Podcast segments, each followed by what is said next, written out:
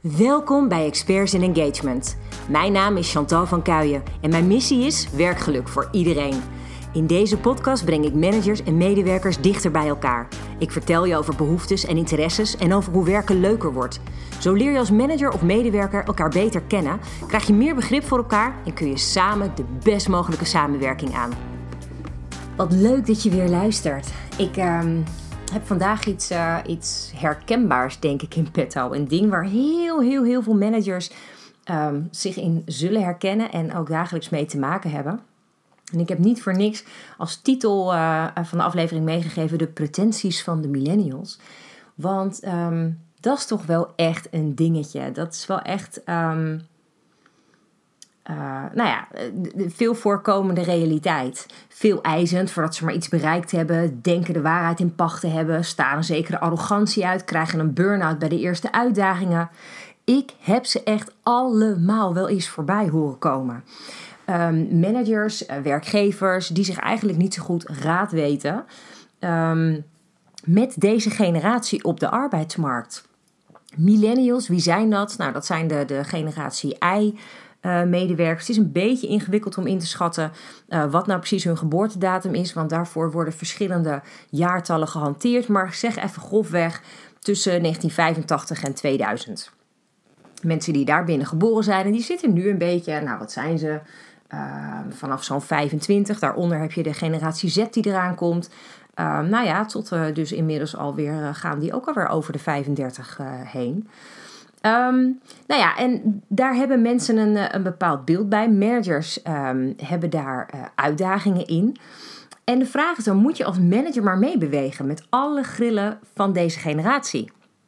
Moet jij continu je als manager aanpassen aan um, nou ja, waar de uh, generatie behoefte aan heeft? Nou, en ik denk nee, zeker niet. ik denk alleen wel dat het heel goed is om te weten wat ze belangrijk vinden. Maar dat je ook voor ogen moet houden uh, wat de agenda is van de organisatie. Dus voor mij is het meest cruciaal dat het gaat om de match te vinden tussen de missie van de organisatie en de doelen van de organisatie en de medewerkers die, die zich daarin thuis voelen. Past deze specifieke millennial niet in die missie of bij die doelen, dan is er gewoon geen match. En dan is het dus ook niet jouw medewerker. En is elke millennial hetzelfde? Nee, ja, nee zeker niet. Um, elke generatie uh, X'er, zoals ik zelf ben, of babyboomers ook niet hetzelfde. Er zijn wel grove lijnen zichtbaar. Er zijn grove um, overeenkomsten in interesses of gedrag, behoeftes. Maar uiteindelijk ben je natuurlijk als mens uniek. Dus om heel eerlijk te zijn, ik heb in mijn team bijvoorbeeld een millennial die helemaal niet doorgaat voor een standaard millennial. Um, als je kijkt naar alle vooroordelen die er heersen, voldoet mijn medewerker totaal niet aan al die vooroordelen. Um, dus ik vind dat ook wel weer heel prettig om te weten dat niet per se die hele generatie hetzelfde is. Het is natuurlijk logisch, hè? Ik bedoel, ieder mens is uniek. Um, en het gaat er ook om dat die persoon wel of niet in jouw team past. Dat zou je als vraag moeten stellen. Um, nog even los van dat er natuurlijk inderdaad wel wat uitdagingen zijn. Um, wat hier volgens mij wel uh, belangrijk is, is dat jij als manager wel een voorbeeldrol hebt naar je medewerkers. En het grappige is dat dus veel managers vinden dat de millennials een soort van zelfingenomen medewerkers zijn. Ze weten het allemaal wel, ze weten alles beter. Um, hebben best wel hoge eisen al voordat er iets gepresteerd is. Um, en ik moet je eerlijk bekennen, toen ik 25, 26 was en ik rolde uit de collegebanken uit, toen dacht ik ook dat ik de waarheid wel in pacht had. Toen dacht ik ook dat ik het eigenlijk allemaal wel wist.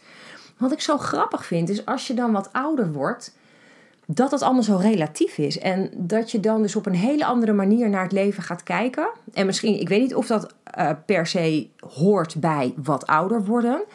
Of dat dat ook gewoon iets is van mij. Geen idee. Maar ik denk wel, um, door ook jezelf wat kwetsbaarder op te stellen, dat je daarmee kan laten zien dat het ook niet per se erg is als je nog niet alles weet Ik geloof namelijk niet dat deze generatie per se denkt dat ze alles 100% weten, maar dat ze dat alleen maar zo laten overkomen. Dat is een trend, want dat zijn een paar dingen die, zo nog, die ik met je wil bespreken vandaag, waar dat eigenlijk ook nog in terug te zien is. En ik denk als jij jezelf kwetsbaarder opstelt, dan laat je dus ook gewoon zien um, dat er altijd ruimte is om nog nieuwe dingen te leren. Um, en ik ook. Ik, ik ontwikkel me elke dag. Door alles wat ik lees, door alles wat ik luister, door alles wat ik zie. En ik vind het echt te gek als je dat kan, als je dat kan bijdragen ook weer aan anderen. Um, en nou, het aparte is dus, die, veel van die millennials, niet allemaal, veel van de millennials zijn opgegroeid in een omgeving waar ouders echt alle uitdagingen wegveegden.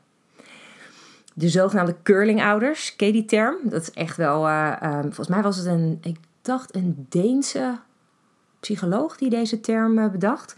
En ik vond hem eigenlijk best wel briljant. Want wat doen zij? Um, zij, zij halen werkelijk elke beperking of elke uitdaging, vegen ze weg voor hun kind, zodat hun kind er geen last van heeft. Um, en die ouders zijn er nog steeds. Ik bedoel, vraag het de gemiddelde basisschooldocent en die vertelt je haar fijn hoe ouders alle obstakels continu voor hun kind weg willen vegen. Tot grote ergernis, denk ik vaak, onder leraren en leraressen. Um, en je ziet het ook, de, de, de, andere term die ik eerder kende dan de curlingouders was de achterbankgeneratie. Um, als ik dan eh, om me heen kijk, dan verbaas ik mij ook wel eens hoor. Kinderen hoeven al meer dan 15 jaar niet meer op de fiets door de regen. Hè, grofweg gezien eventjes, vooral de Randstad is erg. Um, en dan denk ik, ja jeetje, stel je voor man dat je nat wordt, hey. Of uh, dat je met je moe wordt van het fietsen.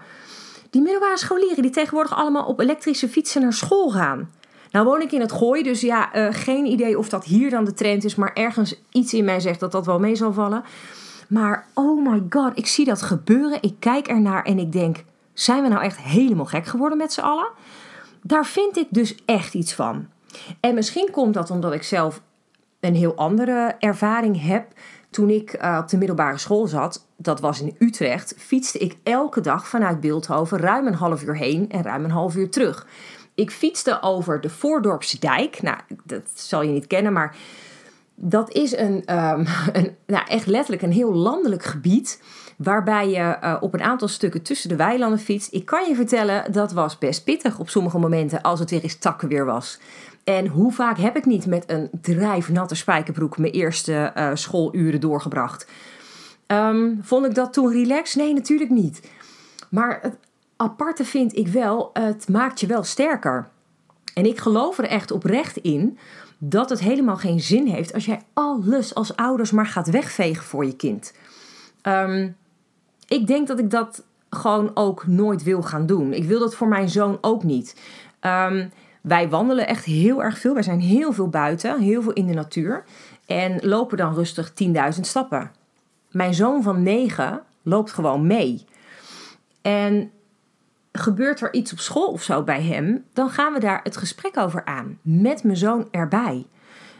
Ik geloof namelijk echt heel oprecht dat dat iemand veerkrachtiger maakt. Hè? Doordat je um, ja, leert omgaan met een tegenslag of een teleurstelling, dat je dan veel beter in staat bent om op de langere termijn om te gaan met nieuwe dingen die minder goed voelen. Dus je doet gewoon levenservaring op. En dat ga, je gaat geen levenservaring opdoen als je alles maar wegveegt. Dus daar geloof ik niet in. Um, ik, kwam een, ik kwam een mooie uh, uh, vergelijking tegen van een klinisch psycholoog, Jan Derksen. Die zegt al jaren dat kinderen veel te veel gepamperd worden door opvoeding en dan dus veel te weinig tegenslag mogen ervaren. Hij noemt deze kids ook wel tropische vissen. Kinderen die zichzelf heel wat vinden, de praise junkies. Uh, maar die als ze de volwassenheid bereiken opeens in de Noordzee blijken te zwemmen in plaats van hun warme thuisbad. Hij zegt, ze denken allemaal dat ze bijzonder zijn, maar hebben in feite maar weinig coping skills kunnen ontwikkelen in het, om in het koude water van de echte wereld te overleven. Nou, en, hè, wat natuurlijk daaruit ook wel blijkt, is er zijn veel meer jongeren dan ooit die psychisch lijden. Ze zijn depressief, hebben veel stress, zitten thuis met een burn-out. Zeker nu met corona wordt dat echt pijnlijk duidelijk. Alleen ik denk wel dat juist deze coronatijd ook een kans is om dingen goed te doen om ehm, juist eens heel erg stil te staan waar je normaal geen tijd voor pakt. Want ehm, het kan misschien een prestatie, um, een soort van succesgerichte generatie zijn. Niks mag fout gaan, maar alles moet ook super gehaast. Iets waar ik me al jaren over verbaas, is dat kinderen die nog op de basisschool zitten, een ongelooflijk volle agenda hebben de hele week door. En dan heb ik het echt over, uh, je komt uit school, je gaat uh, naar pianoles, je gaat naar tennis. Oh nee, we zitten ook nog op hockey. Uh, we hebben nog allerlei afspraken met vriendjes en vriendinnetjes. Um, er wordt echt letterlijk van hond naar her gerend de hele week. En ik denk dat dat iets is wat al heel, heel, heel wat jaren zo gaat. Um, en ik merk het ook, en dat vond ik wel een heel grappig um, gegeven wat ik tegenkwam op internet, is dat er een verschil bestaat tussen kinderen in de randstad en kinderen in de provincie. Kinderen in de provincie zijn wat meer gewend om adem te halen. Om een beetje een, een normaal ritme te hanteren. Die gaan niet zo mee in de red race. En dat vind ik heel opvallend dat in de um, randstad uh, iedereen continu wil presteren ten opzichte van anderen en um, uh, mee wil doen, zich wil bewijzen. Uh, dat is ook wat je heel veel ziet op die, op die scholen. het succes van de kinderen zegt vooral iets over het succes van de ouders. En dat is waarom die ouders er zo keihard achteraan gaan. Want ja, ze moeten natuurlijk wel goed overkomen ook naar de buitenwereld. En dat, dat oh, ik vind dat echt zo bijzonder om te zien.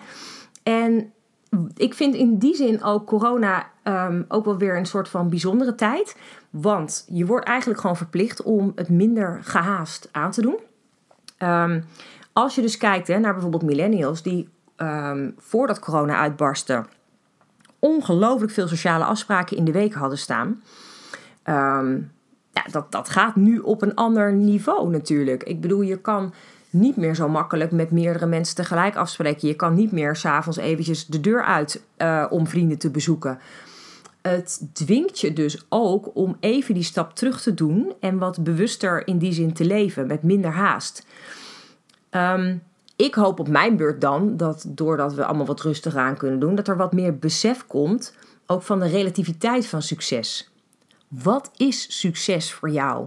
Waarom blijf jij altijd maar streven naar het maximale hè, qua agenda en qua prestaties. In plaats van echt diep te kijken wat je gelukkig maakt. Je hebt meer tijd in principe om met mensen, want iedereen, zoveel mogelijk mensen werken natuurlijk thuis, scheelt je een hoop reistijd. En ja, kom op, uh, we kunnen met z'n allen gaan lopen piepen over dat we oh zo eenzaam zijn. En ik verveel me en ik weet het allemaal niet meer, de muren komen op me af. Maar er staat nergens dat jij niet met iemand samen uh, een wandeling kan maken. Of even een één op één een kop koffie kan drinken. Even een goed gesprek met iemand kan aangaan. Dus ik, ik denk hierin ook altijd: het is maar wat je ervan maakt. Um, en ik hoop oprecht dat dit een, een tijd is waarin mensen ook net even wat bewuster daarin staan. En ook eens echt heel diep bij zichzelf durven nadenken.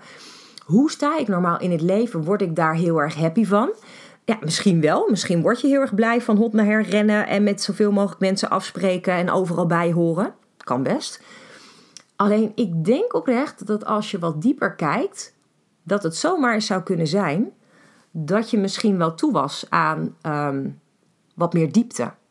Want ja, even hoe het op mij overkomt, wat ik veel, veel zie, is dat als je dan in die red race mee wil en je hebt zoveel mogelijk sociale afspraken en je wil met zoveel mogelijk mensen bevriend zijn, hoe erg ga je dan de diepte in?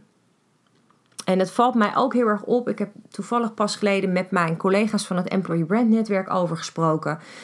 Um, op het moment dat je dus nu met z'n allen alleen maar thuis werkt. En uh, we hebben alle pubquizjes uh, en, en alle challenges en zo wel gehad. Dus alle oppervlakkigheden hebben we wel gezien. Wat hou je dan over? Wat blijft er over? Dan is het dus echt het moment dat je dus tot de kern mag gaan. Dat geldt dus voor jou als manager met je team. Maar dat geldt natuurlijk ook voor die mensen die dus gewoon inderdaad thuis zitten te werken. De tijd van de oppervlakkigheden is nu toch een beetje weg even. En dat is natuurlijk ook super confronterend. Want ineens ben je echt helemaal uh, op jezelf teruggeworpen. En ineens moet je dan ehm, ja, dieper in jezelf gaan kijken om te zien waar jij gelukkig van wordt. En dat is natuurlijk best wel pittig voor sommige mensen. Nou, ik kan me voorstellen dat je bijvoorbeeld in jouw uh, team als manager um, best wel wat mensen hebt die ja, misschien niet helemaal lekker in hun vel zitten. Of misschien die um, heel hoog van de toren blazen terwijl jij denkt, nou, um, laat nog maar eens even zien wat je eigenlijk echt kan. En de vraag is dan, hoe ga je daarmee om? En ik denk dat de enige optie om daarmee om te gaan is door er gewoon echt over te praten. Dus vraag je mensen gewoon eens waar ze bang voor zijn of welke onzekerheid ze hebben, welke druk zij voelen. Want dat vind ik een hele interessante, juist in deze tijd. Vraag is gewoon tijdens een meeting hoe zij zich echt voelen. Hoe het echt met ze gaat. En niet dat oppervlakkig, hé, hey, hoe is het vandaag? En ja, ja, goed. En dan gaan we door. Maar gewoon, hè, jij zit bijvoorbeeld veel thuis te werken. Je weet van een collega bijvoorbeeld dat hij uh, single is, alleen woont. Um, hoe voelt die persoon zich? Hoe gaat hij of zij om met deze hele situatie? Um, en ik geloof dat, um, dat het ook heel erg helpt als jij dus als manager ook gewoon open bent over wat jij doet. En dat is niet altijd um, makkelijk, moet ik zeggen. Want ik zit in een gezinssituatie en we zijn een beetje gestoord thuis. We bedenken een beetje gekke dingen af en toe om met elkaar te doen. Um, en ik weet ook dat er een heleboel mensen om me heen zijn die me af en toe echt aankijken van je bent ook echt gewoon koekoek. Um, vorig jaar gingen we tijdens de eerste lockdown gingen wij gewoon corona kerst vieren. Gewoon omdat het kon. We hadden een nep kerstboom uit onze kelder vandaan. We hebben leuke cadeautjes besteld online en we hebben gewoon corona kerst gevierd. En um, we hebben een pizza challenge gehouden. Dan gingen we bij alle pizzeria's in Hilversum gingen wij pizza's bestellen. En dan gingen we elke pizza beoordelen om te kijken welke de lekkerste was en de beste was en de meest betaalbare. En zo hebben we elke week eigenlijk wel iets verzonnen vorig jaar om um, het een beetje speciaal te maken. Met alle beperkingen die er golden, konden we natuurlijk best wel gewoon zelf dingen bedenken. Ik besef ook dat niet iedereen ten eerste daar behoefte aan heeft en dat niet iedereen um, nou ja, de creativiteit heeft misschien om het te bedenken. Maar ik denk wel, doordat je bijvoorbeeld dit soort dingen deelt, dat je misschien wel anderen op ideeën kan brengen. Dus volgens mij kan je daar als manager best een hele mooie rol in spelen. Dus wees gewoon open, maar geef ook aan als manager dat jij wel ook die openheid van jouw medewerkers verwacht. Want zonder echte input kan jij natuurlijk helemaal niks. Laat het even duidelijk zijn. Jij kan ook niet toveren als manager. Dat denken mensen, dat je altijd maar gedachten kan lezen of zo. Ja, ik bedoel, ik weet als geen ander dat dat gewoon niet een optie is. Uh, ik heb het al vaak genoeg ervaren dat ik dan als laatste pas ergens van op de hoogte ben. En dan had ik blijkbaar al in moeten grijpen. Ja, hoe dan? Ik dat kan niet. Dus ik vind ook wel, hè, um, jij hebt als manager een hele belangrijke verantwoordelijkheid. Um, dat je een veilige omgeving creëert waarin het mogelijk is dat mensen open zijn. Dat vind ik echt een hele belangrijke. Maar ik vind dat je ook mag um, verwachten, op zijn minst, van je medewerkers, dat zij ook ja, die, die, die, die, die, die uh, mogelijkheid pakken om jou in te lichten. En op het moment dat, dat je merkt dat dat gewoon echt niet werkt, dan is het misschien tijd om eens te gaan praten of, je, of iemand niet bijvoorbeeld een bepaalde training kan gebruiken. er zijn genoeg leuke mogelijkheden voor persoonlijke ontwikkeling. En misschien heeft uh, jouw medewerker toevallig wel uh, nodig om inzicht te krijgen in: hey, wat zijn mijn, uh, mijn kernwaarden? Wat vind ik nou eigenlijk echt belangrijk in het leven? Waar word ik nou echt gelukkig van? Misschien is dit wel het moment om daarachter te komen. En als jij dan daarin je medewerker kan faciliteren, dan is dat natuurlijk briljant. Want dat is zo waardevol voor de rest van zijn of haar leven. Um, en dan heb jij ook echt alles gedaan wat je eraan kon doen. Wat voor mij het meest belangrijk is in dit hele verhaal, is dat het leven geen flitsende tijdlijn vol mooie successen is op Insta of Facebook. Um, wat ik een hele leuke vond, ik kwam een uh, YouTube-kanaal tegen van uh, Rachelle van den Broek, een Brabantse dame. En zij heeft een YouTube-kanaal dus en dat heet Miss Van Den Broek. Dus als je gewoon zoekt op Miss, als in hè, de, de Engelse term Miss, M-I-S-S, Van Den Broek, uh, dus V-E-N-D-E-N-B-R-O-K, dan vind je al haar afleveringen uh, over hoe zij omgaat met haar burn-out in de coronaperiode. En ik denk dat het misschien best wel eens heel erg interessant kan zijn om bijvoorbeeld je medewerkers te wijzen op dit uh, YouTube-kanaal. Dus ik moet zeggen dat ze dat echt wel op een hele leuke manier doet. Het is voor jou misschien ook interessant om eens in het hoofd van iemand te kruipen die bij wijze van spreken in jouw team had kunnen zitten. Um, dus ik, ik vind dat soort dingen ook altijd heel erg leerzaam om gewoon te zien hoe gaat iemand daarmee om en wat, wat gebeurt er überhaupt bij iemand hè, um, in het hoofd en, en qua gevoel. Um, dus ik zou je dat aanraden. Uh, Miss Vandenbroek, deel dat gewoon met je team en kijk even of mensen daar wat aan hebben. Mijn visie is dat teleurstellingen bij het leven horen. Sterker nog, heel eerlijk, mijn teleurstellingen waren mijn mooiste lessen. Ik had ze niet willen missen. En dat is misschien heel gek. Op dat moment voelde ik dat misschien niet. Maar als ik er achteraf op terugkijk, waren dat een soort ultieme keuzemomenten in mijn leven. Doordat ik wist wat ik dus blijkbaar niet wilde, hè, of wat ik lastig vond, wist ik wel waar ik wel naartoe wilde.